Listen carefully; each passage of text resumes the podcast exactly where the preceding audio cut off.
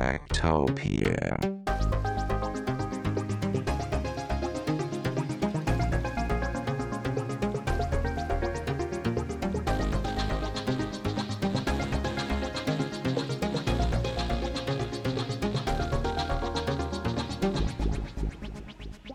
Tektopia er en podcast om mennesker og deres teknologi, udgivet af Ingeniørforeningen IDA i samarbejde med mediehuset Ingeniøren og China Experience, støttet af Innovation Center Danmark, IDA Forsikring og EUT Electronics of Tomorrow.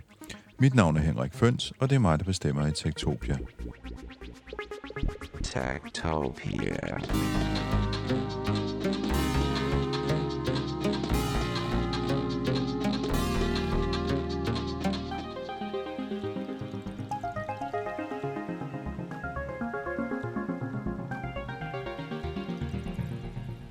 Du husker sikkert episoden med det malaysiske passagerfly MH17, der lettede fra Amsterdam i juli 2014 med kurs mod Kuala Lumpur, men blev skudt ned over Ukraine.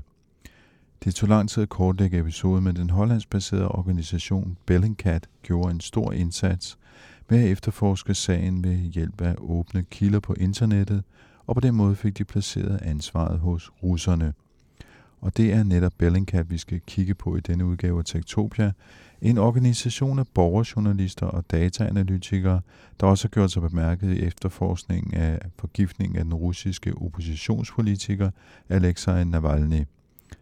Bellingcat kortlagde, hvordan agenter fra den russiske efterretningstjeneste FSB fulgte Navalny og forgiftede ham. Jeg har mødt dataanalytikeren Aigenish Aidabekova, der kommer fra og har været ansat hos Bellingcat siden 2018. So Bellingcat is a collective of researchers, investigators, citizen journalists who do open source investigations.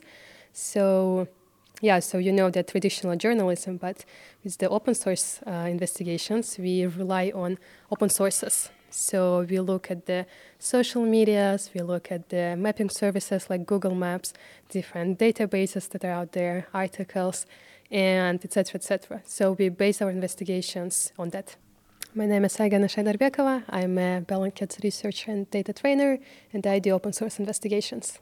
So at Bellingcat, uh, all of our staff members it's scattered around the world, and everyone just works from home. How would you describe Bellingcat? Is it a media or is it a research community? Oh, that's a tough question. So yeah, first of all, yeah, we like saying that we are a collective of researchers because at Bellingcat we have staff members so who are part of the Bellingcat organization, but also we have lots of contributors who just yeah pitch their articles to our website, and yeah, so I would say it's a collective.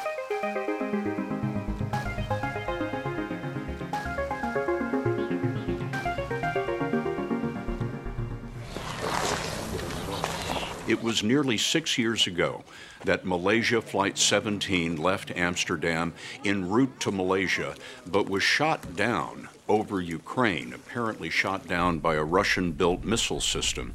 What we discovered is that during these nearly six years, there has been a painstaking investigation, and Dutch prosecutors are now ready to go to trial with the suspects that they believe are responsible. Passagerflyet MH17 lettede fra Amsterdam med en del hollandske passagerer, som alle mistede livet i nedskydningen.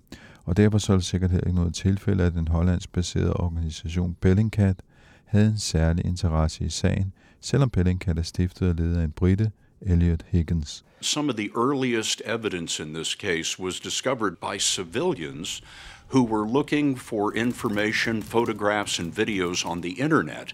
And they were being led by this gentleman by the name of Eliot Higgins.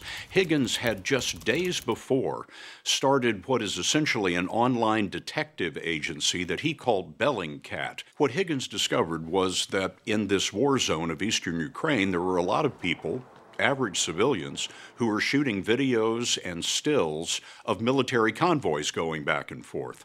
Techtopia. So there was this Malaysian Boeing that was yeah flying from Malaysia to the Netherlands, and it was flying over Ukraine. And in 2014, when it was flying over Ukraine, it got shut down, and uh, yeah, all the passengers died. So it was like a horrific event, and uh, another thing that made it horrific is also that no one took responsibility for it. So Russia was blaming Ukraine, Ukraine was blaming Russian side, and no one really knew like who was responsible. And then Bellingcat started looking at open sources. So, for example, uh, what we did uh, is we figured out that uh, there was a theory that uh, it was shot. Yet, if the theory that the Russians were the ones who shut it down, then they must have transported the missile launcher from Russia to Ukraine, right? And we started thinking, well, there must have been a like Russian convoy coming from Russia to Ukraine then, and uh, people don't usually see it every day, and if just locals saw like a huge military convoy, they would just take photos and pictures and just upload it on their Facebook, Instagram, or like their local Russian social media, saying, "Hey, I saw this like Russian convoy in my small village," and we started searching for it. So we started searching it on Vkontakte, for example, which is again Russian Facebook, on YouTube, and we started finding these photos and videos, and we could verify it, we could geolocate it, that, aha, this post was made at this point uh, and at uh, approximately this time. And then we started mapping and saying, oh yeah, and and this videos also showed the missile launcher. So we were like, yeah, this might be the missile launcher that shut it down. And we started mapping it out, and we could see that a few days before the shutting down, it uh, the missile launcher traveled from Russia to Ukraine. And there were like also other cases where we would find uh, the Russian soldiers, and then we could see that they were actually going to Ukraine. And some of them were fighting, some of them were just part of this convoy. And some of them took pictures with the missile launcher because it was fun for them. They were like 19 years old. It must have been their first like real mission. So they were like documenting it on their social media. And it was back in 2014. They had no idea that the journalists would like get into it. Yeah, so things like that. Lots of like social media, lots of databases like Google Maps and Google Earth and stuff. But in the end, you actually managed to um, to figure out who was in charge, the general who was in charge. How, how did you do that? Mm-hmm. Yes. Uh, so one of the key. So the at one point of time, Ukraine it started intercepting the calls that were made by Russian separatists, and they started publishing it on. Uh, they started publishing it on YouTube, and you could hear the calls. So the separatists made, and also their phone numbers. And on one of the calls, like, so we would listen to all of this, and you can also find it on YouTube. And we would listen to all of this, and we could hear like them saying. And one of the guys uh, was saying that, "Oh, we received a missile launcher, and we'll start shooting down Ukrainian planes." And it happened just like a few days before MH17 got shut down. And we're like, "Oh, wow, that is interesting. This guy is boasting they got a missile launcher book, and they will shut down some planes." So we started researching that one. So we had the name. Uh, I think it was Andrei Ivanovich, uh, but but we knew that's his fake name. We knew that he probably is not using his real name. And uh, but the Ukrainians they also included their phone number, and phone number we used in uh, like contact book apps. You might know this. They're like these apps that you can download on your phone you give permission to your contacts and it will show you like when someone is calling you it will show you like who calling you who is calling you even if you don't know this person.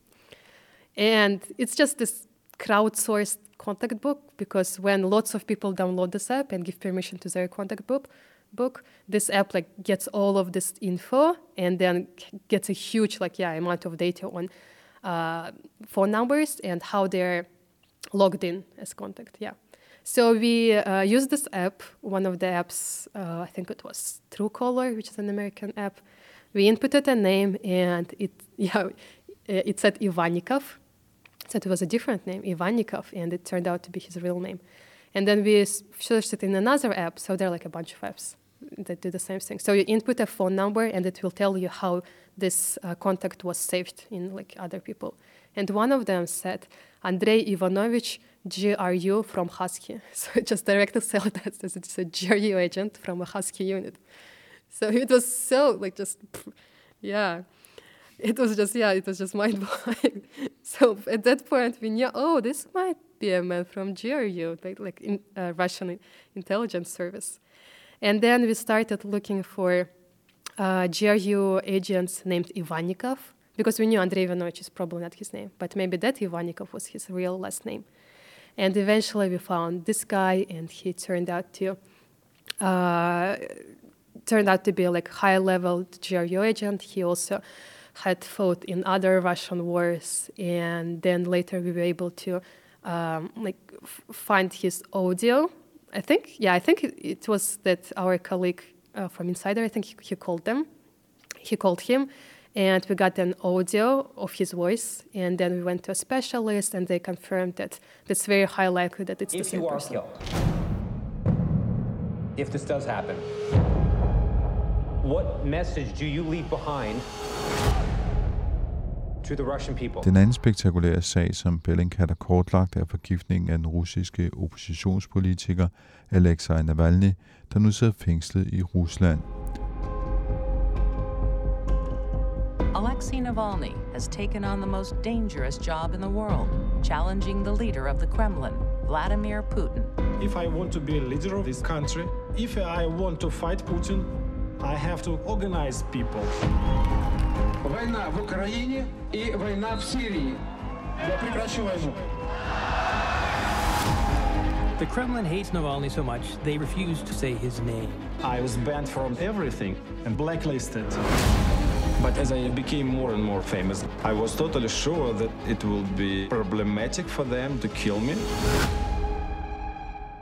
And boy, were you wrong. Yes, I was very wrong. En grundig research og åbne kilder viste, at det var den russiske efterretningstjeneste FSB, der stod bag. Aidanis Aidabekova fortæller os, hvordan de fandt frem til de skyldige gennem at bruge databaser og Telegram og en masse anden internetbaseret teknologi. we, we mostly used this um, data in the gray zone. So we have this um, open source data that is like in the white zone, let's say, and these are the like open databases like social media and stuff. And for Navalny, we used a little bit on gray zone, which is leaked databases. And in Russia, there's so many leaked databases. So because government gathers lots of data and they get hacked a lot, so you can find actually passport info of the citizens or flight info and stuffs like that. So, and this is yeah, this is again gray zone because there are lots of ethical questions on one hand, and on the other hand, but on the other hand, still like you like any person in the world at at, at least at that point of time could just Google it and find these databases actually. Uh, most of them required some money, like starting from I don't know from five dollars, but we still consider it like a, a paywall to be like open source. So it's like this gray zone. It's still kind of open source, but it's a little bit shadier. But yeah, for the Navalny investigation, we used like this leak database a lot because this um, FSB agents they were. Uh, first of all, we had no idea who they were, and they were using their like fake names, and we were like we were not able to find like anything like really on them because this identity did not exist. And uh, using these leaked databases and using this shadier like resources was uh, was a key there. What about your own security when you work with cases like this? So yeah, we have a, our security protocol. So one of them is never to visit Russia, but yeah, we have lots of uh, also things we do for our um, cybersecurity. So cybersecurity is the biggest one, I'd say. Uh, we don't really um, we don't really fear for our physical security, but we fear for the uh, at least expect like lots of phishing attacks from uh, Russia, lots of hacking attacks and stuff like that. So for that one, we have our protocol. We, uh, yeah, we have separate devices for work and for personal. We also know not to click links that are shady. But yeah, there's lots of stuff that we try to do. But again, it's really hard, like in, for journalists in general, because even you're like even if you're very careful, still there are things like Pegasus that can target anyone. Um, you mentioned that you only work with open sources, so Bellingcat would never hack anyone to, to get the information. Yeah, yeah, yeah. We never request hacking, or we don't do hacking ourselves. Yeah, it's a yeah, it's an ethical boundary there.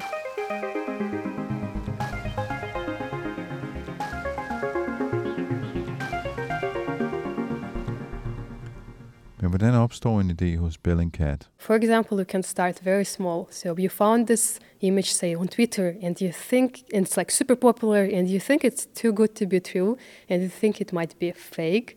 So yeah, one thing you can do is just reverse image search it, find out that's actually fake, and then post it, right? And then some big, yeah. So in the beginning of Bellingcat, we would sometimes publish this uh, like uh, fact checking things, but now we do like a little bit bigger investigations. So if you have some idea to do like any research that is based on open source, be it like ecological research or be it small like investigations into corruption, you can like write an article and then just reach out to us. So everyone can actually participate. Yeah, exactly. But uh, don't you run a background check on the people who participate? Yeah, of course. So we don't publish everything that is sent to us. We, yeah, we do a, a thorough back check, but also we do a very uh, like detailed check on the article itself to make sure that everything is correct, and we again fact checked every step. We make sure we like uh, our editors read it. We also some of the staff members we do peer review to make sure uh, this actually verifiable uh, info, and then only after all of this process, after it gets edited, then we publish it. So you will have access to all the research, and uh, you will fact check it before you publish the article.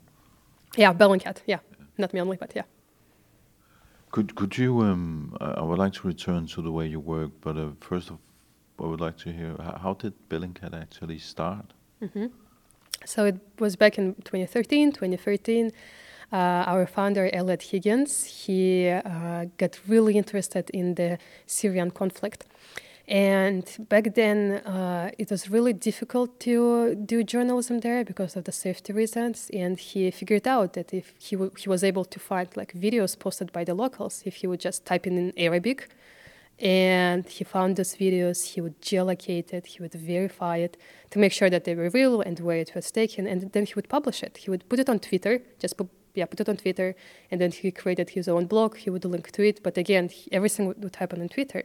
And from there, he found like other people who were also like doing something similar with using like open sources, and then a community was born. And then people started like having more interest in it, and then Bellingcat started a Kickstarter account. So he started like uh, crowdfunding to open a, a website he called it Bellingcat, and then once the like amount was hit, he he created Bellingcat website and started just recruiting some people. Again, the same people on Twitter. He, he would be like, "Hey, do you want to uh, write something for us, or do you want to publish this Twitter thread to actually to an article there?" And then yeah, and then community got bigger and bigger. Somehow you make it sound very easy, but uh, how, how do you actually? I mean, if you sit in Copenhagen like we do now and you want to verify some videos from uh, the conflict, the war in uh, Syria, or the current war in Ukraine, I mean, how do you actually do this? Mm-hmm. So yeah, it requires it requires a few steps. So yeah, you know, there's like lots of content coming from Ukraine, and uh, like citizen journalists, they're like doing an amazing job documenting all of it and sharing. And what you can do is try to find those and maybe some uh, user posted on like a Ukrainian person, maybe she posted a photo or a video documenting something very interesting or something horrific, and then you can verify that it's true. You can do, for example, reverse image searching. So you're basically like uploading this picture onto Google and saying Google, Google, hey, have you seen this photo before? To make sure that it's not a photo from five years ago. And then you can also geolocate it. So it means you want to find out where this photo was taken. So if the photo says it's Mariupol, uh, this, like a hospital was uh, hit there, and you search for hospitals in Mariupol to find the exact one. And if you find the exact one, uh, it has to be exact, exact. Uh, with the like building is the same. I don't know, maybe garden is the same. Some doors are the same. Like color is the same. And then you can say like you can just retweet it. Say, hey, I geolocated this. These are the coordinates. This is this hospital in Mariupol. And then you can tag us, for example, Bellingcat. And or you don't have to tag us. But yeah, that will be your way of verifying things. And that's basically what we do at Bellingcat. So the tools you're using is uh, mainly uh, open source, like uh, social media uh, platforms, American social media platforms. Yeah, exactly. But not not only American, some Russian ones too. So like Russian Facebook, which is VKontakte, or Odnoklassniki, like Russian WhatsApp, which is uh, Telegram. We use that a lot. We are also looking at BitChute, which is a like uh, similar to YouTube, um, and it was founded in the UK and also other platforms too. But yeah, but American ones are the most popular, of course. How, how do you organize your volunteers? hmm So we have lots of volunteers. Uh, we have our like Discord community. So this is an app um, that's similar to Slack. So there are lots of people who are into Bellingcat. They can uh, we can work with them there, and it's also a huge community. But then we have like uh, specific project volunteers. So I, for example, for smaller ones, I'm interested in QAnon in Czech Republic, but since I don't know speak the language, it's a little bit difficult to research it. So yeah, we got these two volunteers, and then I just personally I just talk to them every week, and we like check out our findings, we share and have discussions, and yeah, do our research. And for big, bigger projects like Ukraine, we've also recently launched our Global Authentication Project, which is a project that aims yeah, to better communicate and also better uh, manage the volunteers. And there again, we uh, get this number of volunteers. We think we have two cohorts of 20, so we have like 40 volunteers. And then it also happens in Discord. We communicate with them quite often, I think a couple times um, a week we have calls, and but also, yeah, we do lots of communication on Discord.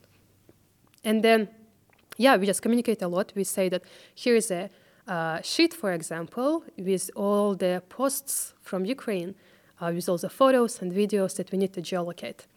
And they just work on this sheet. If they find the place, they'll input the coordinates, and then other Bellingcat staff will um, confirm it. And once it's confirmed, it goes to our like main sheet and goes to the uh, open map. So just yeah, by managing, yeah, we just communicate a lot and make sure that uh, the tasks are clear. How is Bellingcat financed?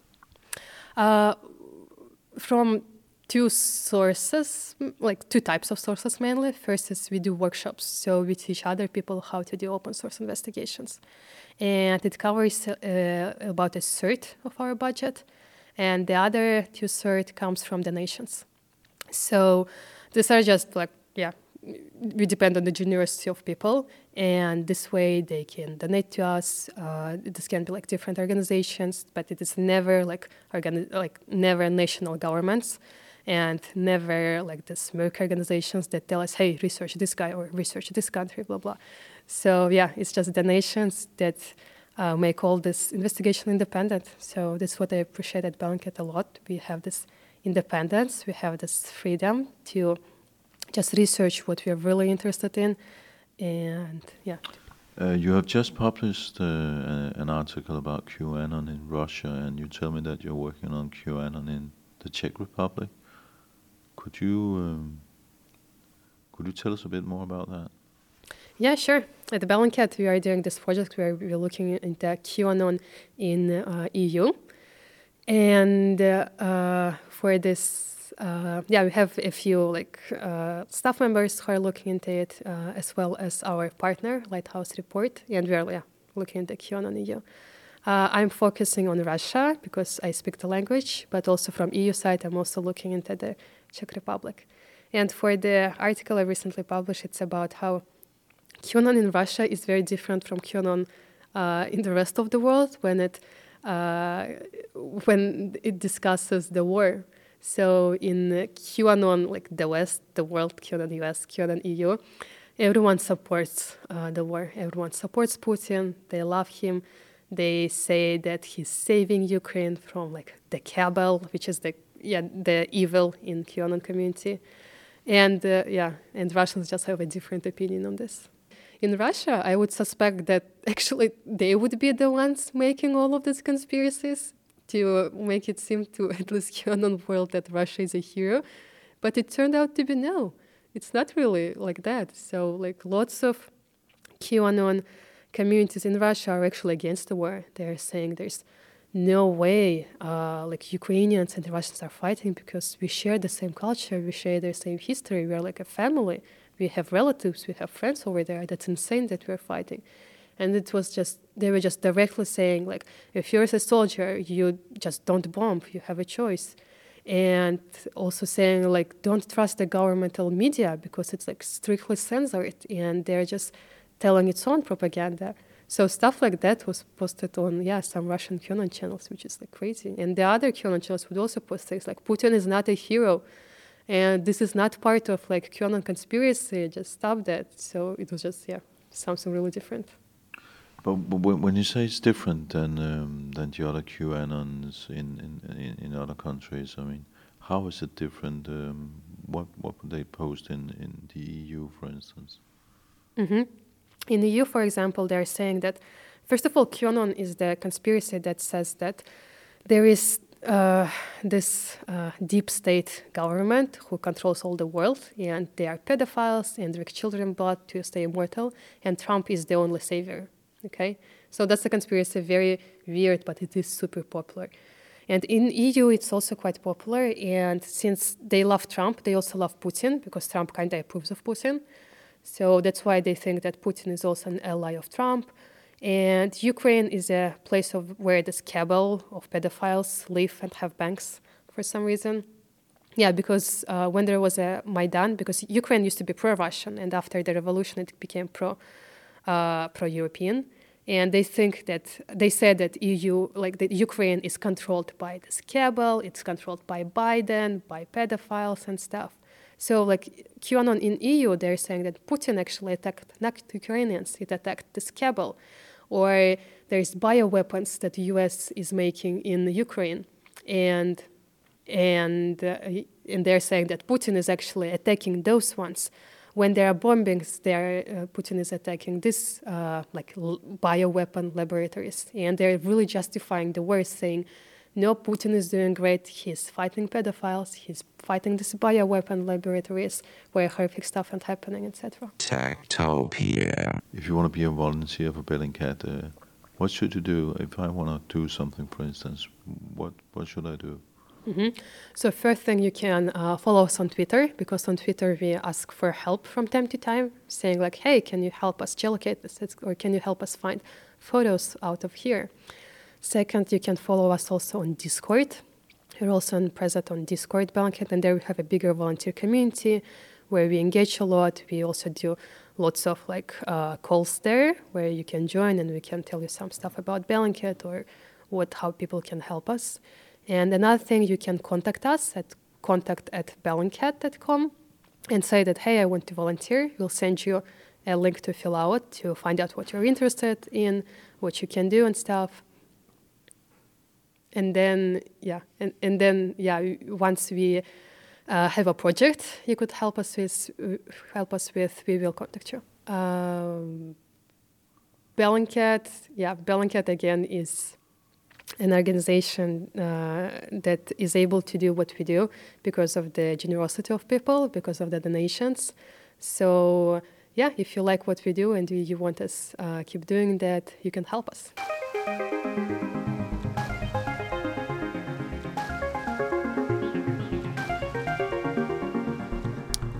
Du har lyttet til Tektopia. Vi udkommer hver mandag. Du kan finde tidligere episoder på tektopia.dk og Ellers kan du abonnere på os øh, på den podcast-platform, som du nu engang holder af at bruge. Du kan sende ris og ros til redaktionen på henriksnabelagtektopia.dk. Du kan følge os på Twitter og Instagram, der hedder vi snabelagtektopia.dk. Og så har vi en gruppe på Facebook, der hedder Tektopia Backstage, hvor godt og vel 15-1600 mennesker diskuterer teknologi. Du kan også abonnere på vores nyhedsbrev, og det finder du på øh, tektopia.dk. Mit navn er Henrik Føns, og i øh, redaktionen sidder også Veronika Bolin. På genhør i næste uge. Techtopia.